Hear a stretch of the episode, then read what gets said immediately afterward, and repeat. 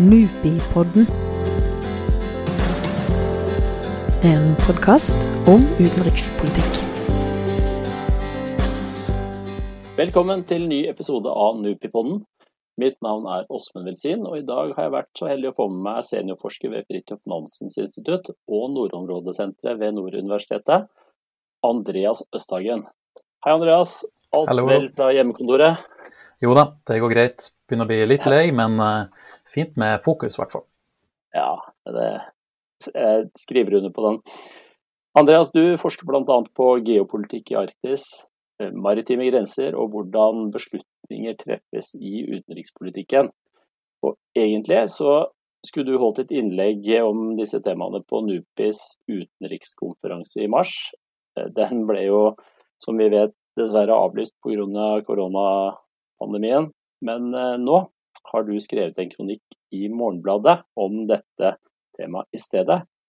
Og her etterlyser du et tydeligere utenrikspolitisk innhold i norsk nordområdepolitikk. Du kommer faktisk med eh, en rekke konkrete forslag til hva Norge kan og bør satse på.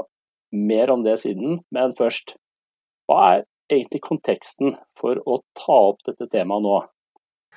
Ja, altså, vi vet jo at regjeringa skal legge fram en ny stortingsmelding om nordområdene nå til høsten. Det er faktisk ni år siden siste stortingsmelding om nordområdene.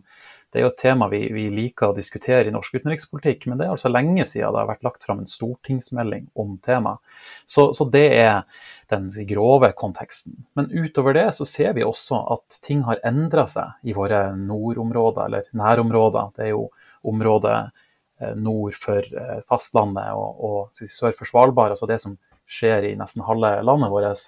Um, og ting har endra seg der, stormaktspolitisk, geopolitisk, over de siste ja, ett til to årene. Andre aktører som tidligere ikke har sagt så mye om Arktis, har plutselig engasjert seg mer eh, i på en måte, våre nærområder. Da. Ja, riktig. Fordi, altså, du, I kronikkene så snakker du om et, et stormaktsspill som pågår på vår, eh, på vår dørstokk, på en måte. Eh, og hvem er som er spillerne i dette spillet? Ja, altså, Den stormakten som vi alle vet du er dominant i mye av nordområdene, er jo Russland. Altså Halvparten av Arktis eller nordområdene bruker de begrepene litt eh, om hverandre. altså Arktis er jo på en måte hele det sirkumpolare området. da. Nordområdene er ofte det vi kaller våre nordområder. Barentshavet og Nord-Norge og Svalbard. Men, men, hvis du ser på Arktis som helhet, så er det jo Russland som er den store eh, dominante aktøren. og Som har satsa på nordområdene egentlig de siste 15 årene, mer eller mindre. eh, Under Putin og, Medvedev, og så Putin igjen. Um, men i tillegg til Russland så har vi de siste årene fått inn mer av Kina og mer av USA. Altså USA er jo en, en arktisk aktør, et arktisk land eh, med Alaska. Men tidligere så har man ikke vært så opptatt av Arktis i USA. Obama var mer interessert i miljø- og klimaspørsmål enn egentlig stormaktspolitikken i Arktis. Og så har Kina kommet inn som en ytterligere aktør. Riktig. Og, og forholdet mellom Kina og USA er jo ganske sentralt eh, i dette spillet her. Pompeo kom med en, eh, kom med en ganske krass uttalelse i fjor. Hva, hva, var det han sa da? Nei, var at eh, Pompeo eh, ja, han, han, trakk fram eh, under et Arktisk råd-møte så trakk han fram at, at uh, Kina kunne skape et nytt Sør-Kina-hav i nord. Uh, sånn at det er akkurat at USA plutselig bruker Arktis eller nordområdene da, som en, en, arena for en konkurranse med Kina. Altså, Kina er jo ikke en nordområdestat på samme måte som det Norge eller Russland er. Men allikevel, det at Kina er interessert i Arktis, har også gjort at Trump-administrasjonen har begynt å, å komme med litt provokative uttalelser.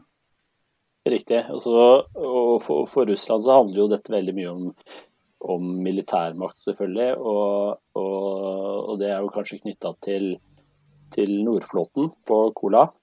Ja, eh, altså mye av den aktiviteten vi ser i, i, Arktis i Russland har ganske lite med olje- og gassutvikling eller shipping eller andre ting i Arktis å gjøre. Det har med at det er her Russland har noen av sine strategiske styrker. Altså at Hvis Russland skal gjenreise seg selv som stormakt, så vil Kolahalvøya, Nordflåten, nært Murmansk, nært norskegrensa, være ett av områdene hvor man velger å satse. Og, så, og midt oppi dette her så har du da, da Norge som eh, som skal skrive ny nordområdemelding om eh, det vi ofte, i hvert fall, eller i hvert fall noen ganger, har kalt vårt viktigste strategiske ansvarsområde. Men, men bare sånn for å være helt klart, hva er, liksom, hva er de norske interessene i dette bildet?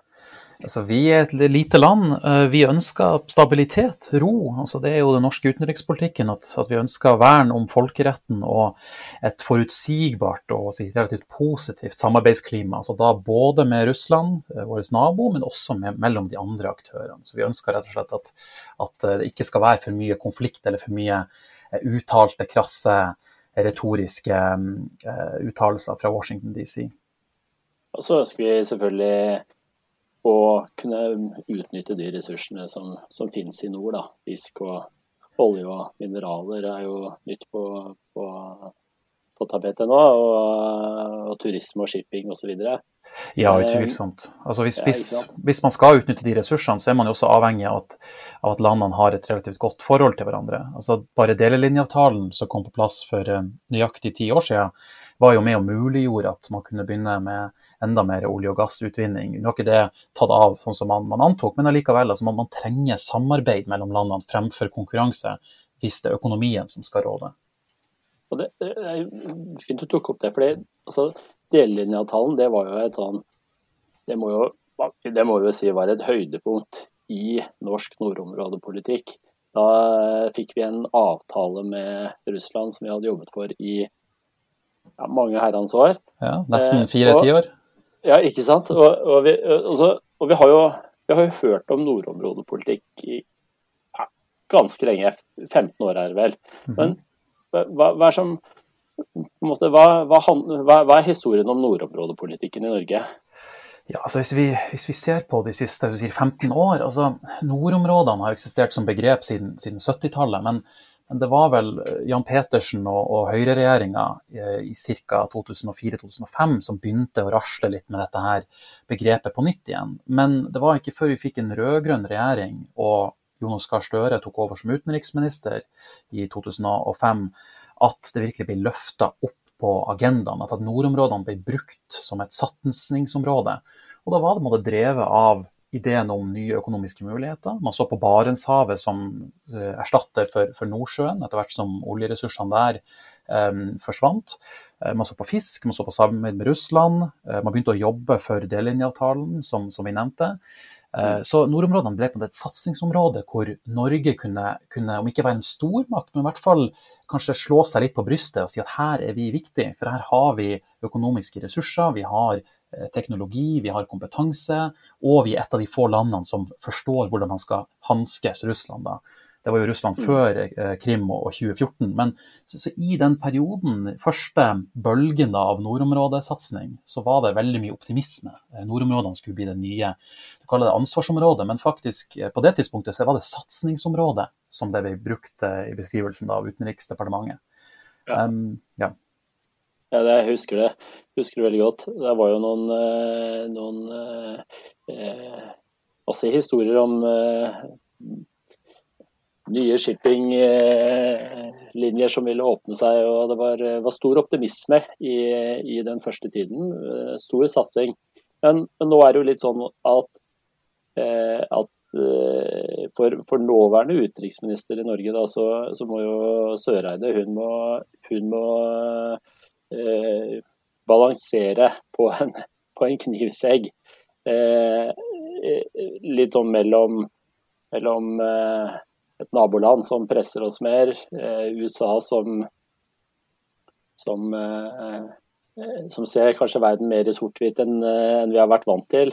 Og, og, hva er liksom Og så har vi en, en norsk egen spagat også. Hva, hva, hva er hennes dilemmaer? Altså, etter 2014 og, og annektering av Krim, så, så, ser vi jo at nordområdepolitikk blir vanskeligere. Altså, vi, vi, i Norge får jo en ny regjering rett før det, eh, høsten tidligere. Eh, I tillegg så har vi et oljeprisfall mer eller mindre samtidig som, som Krim og, og Ukraina. Eh, og Det gjør jo at, at nordområdepolitikken for den nye regjeringa, som nå ikke er så ny lenger, blir vanskeligere. Det er vanskeligere å, å satse på det, og, og, det er kanskje ikke så mye å hente også. Um, man, man, får en forverring av, av, forholdet til Russland. Uh, og da vrir man mye av nordområdepolitikken i Norge mer mot det regionale. Man, sat, man satser mer på uh, denne oppbygginga av kompetanse i regionene, altså i Nordland, Troms og Finnmark. Uh, universitetene, næringslivsfokus i nord, også litt med, med tanke på livet etter, etter, olje, hva man skal, skal leve av i, i nord da. Um, så det tok mye av fokuset. Men det som har skjedd nå, er jo, som jeg også pratet om helt i begynnelsen altså nå har De siste par årene så har nordområdene kommet inn på agendaen igjen. Men det handler ikke så mye lenger om fantastiske økonomiske muligheter. Det handler i større grad om eh, Kina, som jeg nevnte. Det handler om, om, om USA, og at USA bruker en helt annen retorikk for å beskrive det som skjer i nord.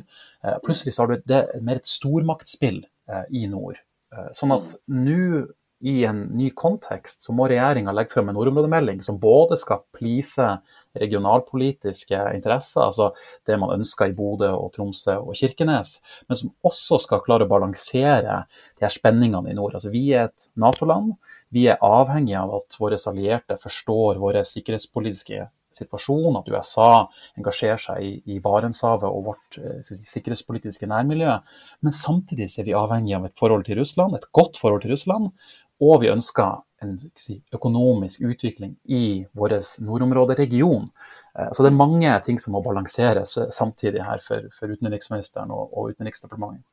Men altså, Brussel er vel en spiller i denne, uh, dette, i denne situasjonen også. Hva, hva, hva, er det EU vil i nord? Ja. Eller vil de noe i det hele tatt?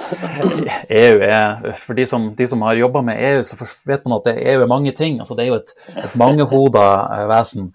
Eh, men, men, men, EU har engasjert seg mer, ja det har de. Um, og ønsker vel også å være mer med i denne såkalte geopolitiske diskusjonen. altså Den nye kommisjonen i Brussel kaller seg en geopolitisk kommisjon.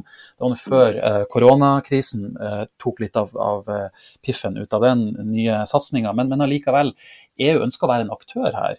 Men, men så er spørsmålet hva vil enkelte EU-land? Det er fortsatt EU-land som bestemmer mye utenrikspolitikk. Men her ser vi at Frankrike f.eks. kaller Arktis det nye Midtøsten, som er en ganske mm. søkt sammenligning. Eh, Tyskland eh, engasjerer seg mer i, i, sikkerhetspolitikk i nord. Storbritannia, ute av EU, ser, kan i hvert fall se på, på nordområdene Arktis som et område hvor de kan engasjere seg mer, også ettersom man, man er tross alt ganske tett opp mot uh, Barentshavet i Storbritannia. Sånn at man har flere europeiske aktører som også ønsker å være med her. Og oppi alt det her sitter altså Norge. Men så så er det sånn, for i, Helt i begynnelsen, i 2005-2006, da, da, var liksom Norge Norge hadde initiativet, vi satt i førersetet. Det, det, er jo ikke tilfellet nå. Hvem, hvem er som leder an nå, egentlig? Nei, det kom... Er det noen klare som leder an? Nei, altså Russland er jo som nevnt altså det landet som, som virkelig sats, satser på nord, fordi det er så sentralt i russisk økonomi og i russisk strategisk tenkning. Um, USA har jo nå vært litt toneangivende, på, på, godt og vondt. altså Med en, en som du nevnte i stad, en sort-hvitt-retorikk eh, fra Donald Trump, enten er du med oss eller mot oss, så, så blir det dessverre litt at, at, USA får lov å sette litt av, av agendaen også. Vi ser det samme med, med Trumps uttalelser om Grønland. altså Noen helt eh, rare uttalelser både her og der. Eh, men, men, de er med å bygge opp under dette amerikanske engasjementet eller interessen for Arktis. Um, sånn at Norge har dessverre kanskje falt litt, litt bakpå, men, men, det er jo ikke nødvendigvis uh, altså noe, noe, galt med det. Men man ønsker å, å, verne om samarbeidet i nord. Man ønsker at regionene i Nord-Norge skal utvikle seg, at samarbeidet med Russland skal pågå bra, uh, og samtidig at USA skal, uh, eller Nato skal engasjere seg i våre problemstillinger. Altså Russland har jo blitt enda mer aktiv i nord og også uttalt seg og, og, også hatt øvelser som, som kan oppfattes som provokative i, i, Oslo og for Nato generelt. Sånn at ja. det, man, man, sitter i en, i en, skvis, rett og slett. Og så, og så har vi en, selvfølgelig en, en nasjonal kontekst der, eh, der alle disse geopolitiske og utenrikspolitiske hensynene av og til drukner i, i mer eh, lokale og innenrikspolitiske diskusjoner. Eh, der eh, lokalpolitikere engasjerer seg i, i spørsmål om, hva slags forhold vi skal ha til Russland, der vi diskuterer iskant, eh, langtidsplan for Forsvaret osv.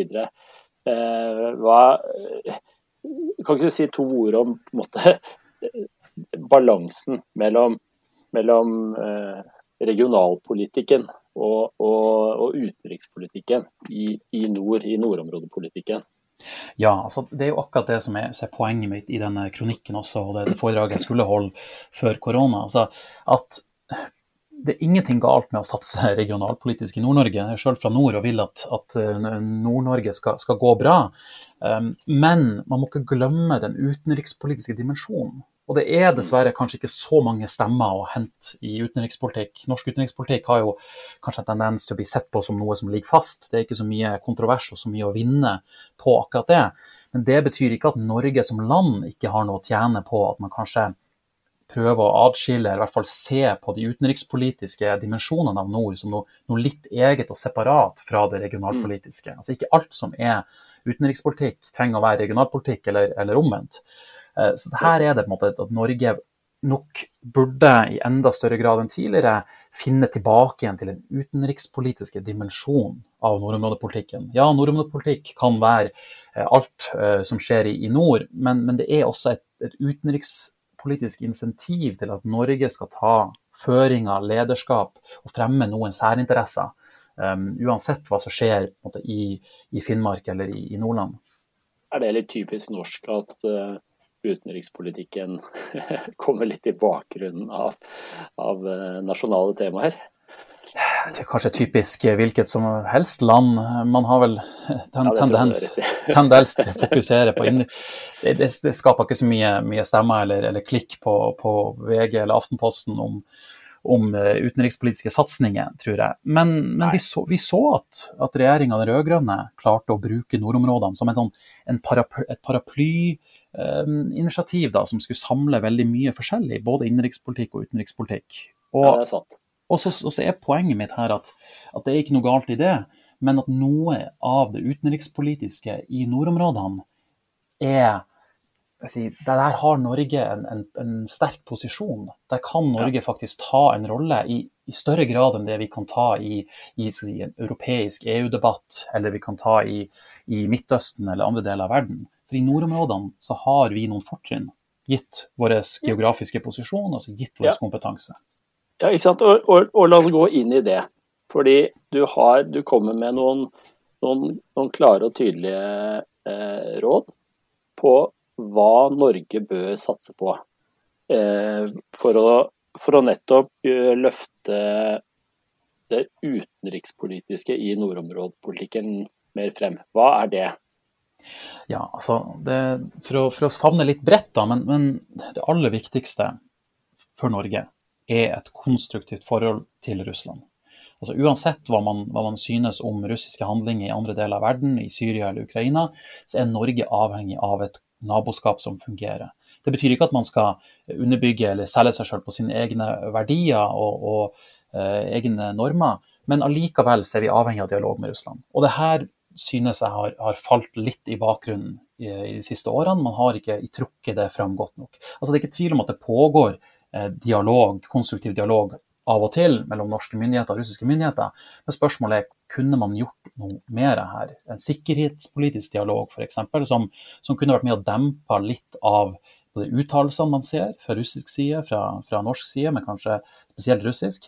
Eh, kunne man også satt ned uformelle arenaer, om det er med forskere som meg sjøl, for å prate om min egen syke mor, men, men, men, forskere eller næringsliv eller regionalpolitikere eller andre som har en interesse av å, av å få til mer med russerne og forstå mer av russiske interesser også, tror jeg kan være nyttig. Fordi det er naboen vår, og vi er nødt til å forholde oss til dem. Nettopp. Nå er det Nå har på en måte forholdet vårt til Russland blitt eh, Jeg vil si kanskje det er mer anstrengt nå enn det har vært på en stund. Og det, eh, det, det, det er kanskje knyttet til den større på en måte relasjonen mellom Russland og, og, Nato, eller Russland og Vesten. Eh, men er det, er det, på en måte er det mulig? Er det egentlig mulig å ha en mer konstruktiv dialog med Russland nå om dagen? Ja, jeg tror det. Um, altså, noe av det selvfølgelig er, retorisk, men vi så også altså under den første eh, bølgen av nordområdesatsing uh, fra 2006-2007, så ser vi at Russland oppfører seg mer si, provokativt militært. Eh, men samtidig så klarer man å, å, skille ut det militære og det forsvarspolitiske fra det, det utenrikspolitiske. Man klarer å, å, ha to tanker i hodet på én gang. Um, og jeg tror at, at, det er fortsatt rom for det. Altså, ja, forholdet til Russland er vanskelig i dag, men det er mindre vanskelig i dag enn det var for, for fem-seks år siden, rett etter Ukraina. Så spørsmålet er om vi kan, kan, klare å dempe litt av den aggressive retorikken fra hver side, og om vi kan finne nye initiativer, ikke forsvarspolitiske. For der er Norge og Russland, eller Nato og Russland, um, i, i, motsetning til hverandre i, i Nordøst-Atlanteren. Men, men kunne man funnet andre utenrikspolitiske initiativ? Eh, enten, som jeg nevnte, altså Sikkerhetspolitisk dialog er én ting, men, men, er det også andre mykere samarbeidsområder man kunne initiert? Altså Vi har jo f.eks. 2012 så, så, fikk man dette grenseboerbeviset på plass. Som ja, nok sikkert vært ganske vanskelig å få på plass i dagens situasjon, men det består fortsatt. Altså, Hva er, hva er rommet for sånne initiativ? med Russland, som ikke nødvendigvis trenger å gå på bekostning av Norges eh, verdier og Norges interesser, men, men, som er med å fremme et godt naboskap, spesielt i nord. Jeg husker fra, fra tidligere debatter om, om forhold til Russland, så, så, har jo Norge også fremholdt at, eh, at eh, nettopp fordi vi har et, et konstruktivt folk-til-folk-samarbeid og en relasjon i nord, og vi har en lang tradisjon med å ha et OK forhold til Russland, så, så kan vi Eh, fortsette å ha en dialog med Russland selv om forholdet til Vesten er anstrengt generelt. Eh, og det gjelder vel egentlig fremdeles, gjør det ikke? Jo, utvilsomt. Altså, mm. det går an å ha flere dynamikker samtidig, eller, eller flere, flere, broer å bygge på. Og jeg mener at, at der har Utenriksdepartementet en, en, en, rolle, og de har et potensial. Um, og det tar meg egentlig til, til punkt nummer, nummer, to, som jeg også nevner i kronikken, og som er delvis sammenblanda, og det er dette med Svalbard. Ja. Vi så ikke sant, for to, ja, tre måneder siden 100-årsjubileet eh, til Svalbardtraktaten. Eh, Hurtigruta mm. seilte rundt, og vi alle plutselig ble veldig interessert i å dra på, på ferie til Svalbard. Um, Svalbard er viktig for Norge, Svalbard er en del av Norge. Men Russland har en sterk posisjon på Svalbard fordi de har lov til det i henhold til traktaten. Men så har vi sett at Russland har uttalt seg eh, ja, igjen provokativt. At man har ønska å, å eh, ja, påpeke uenighet med Norge når det gjelder både alt fra helikoptertillatelser på Svalbard til fiskevernsoner rundt Svalbard. Altså man, man trekker fram disse disputtene. Um, så her har man et, et område hvor um, Norge ofte bruker å begrepet 'sitte stille i båten'. Altså Man ønsker ikke så mye diskusjon rundt Svalbard og debatt rundt Svalbard. Men her mener jeg også at, at her er det et, et handlingsrom for norske myndigheter. Ikke bare vis-à-vis Russland, men vis-à-vis -vis, verdenssamfunnet, vis-à-vis de arktiske landene. For Svalbard er norsk, det er ikke omstridt. Så spørsmålet er heller hvordan kan man, man sikre seg at andre land forstår norsk myndighet og norsk suverenitet på Svalbard. At land måtte, som, som, noen ganger kan tenke seg å, å, uttale seg litt utfordrende, ikke bare Russland, men andre land som vi er enda nærmere og som vi har sett gjør det samme, at disse forstår at de er tjent med den norske eh, administrasjonen og norske håndhevelsen av, av, lover og regler på Svalbard, med tanke på miljø, med tanke på ressursforvaltning, eh, fisken bl.a. Men eh, med andre ord, så syns vi egentlig har vært altfor passive i, i Svalbard-politikken vår. Sitte stille i båten er jo en sånn eh, eh, Av og til så, så, lurer jeg på om det har å gjøre med at vi ikke har tro på at vi har nok støtte eh, rundt Svalbardtraktaten. Eh, og at eh, hvis vi, hvis, vi, roper for høyt, så vil vi bli utfordret. Er det, er det reelt? Ja, jeg tror det er akkurat det. Altså, Altfor passive kanskje tar litt hardt i, men, men men man har valgt å, å adskille nordområdepolitikk og, og svalbardpolitikk. Altså man har egen melding om Svalbard som ikke er en del av, av nordområdemeldinga. Um, man ser på det som, som noe, noe, litt eget og spesielt. Og jeg forstår at, at Svalbard har sine egne mekanismer og, og, egne ordninger, men samtidig Svalbard er noe av det som gjør Norge arktisk. Altså det, det er virkelig vår claim to fame i Arktis, altså med denne, denne, øygruppa som er langt mot nord, hvor det eneste delen av Norge som faktisk har virkelig arktiske forhold. Så, så det er nå ett aspekt av det. Men, men, så er det dette med, med god, eh, bærekraftig forvaltning. Som alle partene, altså hvis man snakker om andre land som har vært litt kritisk til norsk, norsk svalbardpolitikk, så kan man nevne f.eks. Storbritannia eller, EU-systemet, for den saks skyld nå med, med snøkrabbedisputten som har vart over mm. noen år. Men, men alle disse partene er interessert i bærekraftig forvaltning. De er interessert i miljødimensjonen av nordområdene. Vi ser jo det i EUs generelle arktiske engasjement at miljøhensyn står veldig høyt. Så her har Norge trumfkort. Altså, vi har en, en veldig god og, og, bærekraftig forvaltning av Svalbard med hensyn på miljøet. Som er jo akkurat derfor vi burde spille opp det kortet, framfor å, framfor å frykte at, at, andre land skal, skal begynne å, um, ja, uttale seg for kritisk. Og det, det eneste disputten som har vært angående Svalbard, eh, bortsett fra det med helikoptertillatelsene med Russland, er jo dette med maritime sona, altså fiskevernsoner rundt Svalbard. Hvor Norge har rett syn på, på eh, om Svalbardtraktaten gjelder, mens, mens, andre land, inkludert også EU, har et annet syn. Men også her så er man interessert i bærekraftig forvaltning av ressursene, som det er torsk eller reke eller, eller snøkrabbe. Eh, og nå har man jo også trukket iskanten eh, om ikke en veldig mye lenger sør, men, men man har i hvert fall blitt enig foreløpig om at, om at iskantdebatten skal uh, ligge litt, litt, i fred. Uh, og det, Da er det heller ikke snakk om olje- og gassutvinning i dette området. Sånn at Norge trenger ikke å underkommunisere sin suverenitet på Svalbard. Det tror jeg heller at man, man ikke er tjent med i det lange løp. Det er interessant. Og så, og så har vi jo da Kina neste, neste, Hva bør vi gjøre med Kina? For Kina har begynt å engasjere seg i nord. Eller har gjort det i noen år nå, egentlig. Ja, Kina er jo altså en, en utfordring for, for, mange, ikke bare Norge. Um, det er jo mye skremsel når det kommer til Kina og kinesiske investeringer. Hva ønsker egentlig Kina? Altså Kina er en voksende uh, stormakt, supermakt om du vil. Um, sånn at når de engasjerer seg i Arktis, så, så, er det naturlig at de er interessert i alt fra hvordan, hvordan Arktis eller nordområdene eh, styres, til, til eh, økonomiske muligheter. Men vi, vi, har jo ikke full forståelse for alt hva, hva kinesiske myndigheter ønsker. Eh, så jeg tenker at akkurat når det gjelder Kina, så er vel en, en, et godt prinsipp eller gode føre-var-tilnærming er å, å ta Kina i, i dialog, altså komme, engasjere Kina. For Kina kommer uansett om vi vil det eller ikke. Altså, Om de ikke kjøper opp eh, noen selskaper i, i Nord-Norge, så kjøper de opp selskaper på Island eller, eller uh, investerer i Russland. Altså, vi, vi, ser det på tvers av nordområdene. Eh, selv om det kanskje ikke har, skjedd i så stor grad som det man frykta for noen år siden. Men allikevel, Kina og det er kommet for å bli. Så da kan man like gjerne ha en god dialog med Kina. så Finne fellesnevnere med Kina i alt fra miljøforvaltning til økonomiske samarbeidsprosjekter. Eh, eventuelt til, til Arktisk råd, altså i områder hvor, hvor vi har interesser delt med Kina. Eh, uten igjen at man, man skal gå på bekostning eller akkord med, med norske verdier og norske syn på, på, hvordan ting skal håndteres i nordområdene. Det er fortsatt vi som er en arktisk aktør, ikke Kina.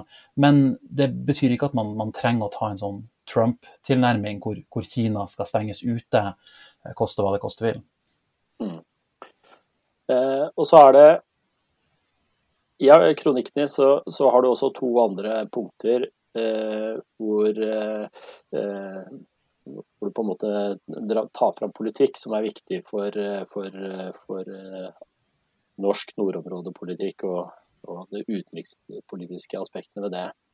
Det er eh, engasjementet vårt i Arktisk råd og, og Norges forhold til havretten. Kan du ikke avslutningsvis si litt om det? Ja, altså Arktisk råd er jo, hvis man følger nordområdepolitikk, så, så er det det viktigste regionale samarbeidsforumet. Og her skal Norge ha formannskapet fra 2023 i to år. Eh, og Der har man en, mulighet til å, til å, sette sine interesser på agendaen. Så det å spille det opp ytterligere tror jeg er sentralt. Og, og når det gjelder havretten, altså vi vet jo alle at havretten er, er sentral for Norge. Eh, Norge som et lite land har tjent godt på, på utviklinga av den. Men havretten er ikke statisk. Altså, det er en dynamisk eh, utvikling som pågår, hvor også stormaktene, herunder også Kina, er med å sette litt av agendaen for hvordan den utvikler seg. Så det å, å være med å sikre den, eh, spille opp norske interesser i havretten, aktivt diplomati knytta til havretten, skal man ikke undervurdere. Altså et åpenbart punkt, men også et punkt som kanskje ikke kommuniseres nok i Norge. Altså at Havretten er ikke en, en gode vi for alltid har, det er en, en gode som må ivaretas og, og uh, opprettholdes. Mm, er det, men er, er havretten eh, på en måte under press på noen måte nå? Altså, si Deler av havretten, um, ikke hele systemet, men deler av havretten er jo hele tida under um, utvikling. Altså det, vil, det, vil være, det, vil, være, saker som, som, har eh, konsekvenser for måten man, man tolker havretten på. Uh, og det vil være andre si, nye mekanismer, sånn som den diskusjonen man har hatt de siste årene om hva man skal gjøre med biologisk mangfold utenfor um, grensene til de ulike uh, kyststatene. Altså, hvor det er forhandlinger som pågår om hvordan man skal gjøre ting til havs, altså om det er fiskeri eller, eller kontinentalsokkel eller andre ting.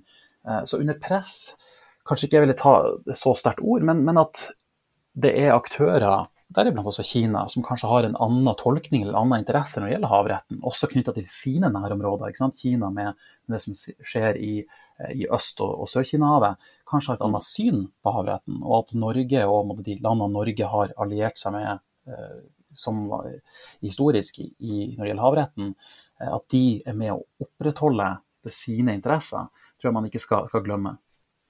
Mm. Ja, og altså, dette er ganske klare råd. Det er vel, hvis du oppsummerer, da, så er det i hvert fall de tre viktigste.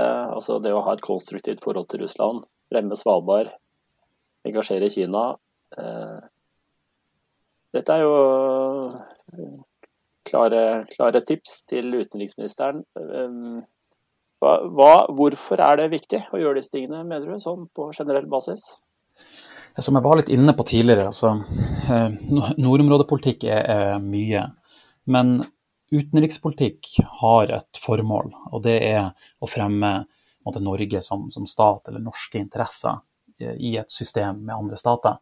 Um, nordområdene er måte, det sterkeste kortet vi har. Det er trumfkortet vårt uh, i, måte, regionalt, internasjonalt. Eh, sånn at det å satse mer på disse tingene vil også være med på å styrke Norges posisjon i nordområdene, og også til dels også internasjonalt. Altså når, når utenriksministeren drar til, til, Washington DC, eller for den saks skyld til, til India, så er ofte Arktis på agendaen, om det er i, med fokus på klimaendringer eller ressurser eller, eller, sikkerhetspolitikk. Men poenget er at det her er, det er ikke bare våre nærområder og, og regionalpolitikk, det er også en utenrikspolitisk dimensjon som må ikke bare tas hensyn til, men også må, må spilles opp. Og det, det, det gjør Utenriksdepartementet, det gjør utenriksministrene, men det skader neppe å gjøre det i enda større grad. Nettopp. Ok, Andreas. Dette, dette er veldig spennende. Og eh, nå, nå, blir det veldig spennende også å se om eh, utenriksministeren hører på disse rådene. Eh, det skal bli interessant å følge videre. Og det kan vi i hvert fall garantere at du vil gjøre, og vi også på NUPI. Eh, så tusen takk for at du var med i NUPI-podden i dag, og takk til dere lyttere også. Og vil dere høre mer fra oss, så følg oss på en av dine foretrukne podkast-apper. Vi høres!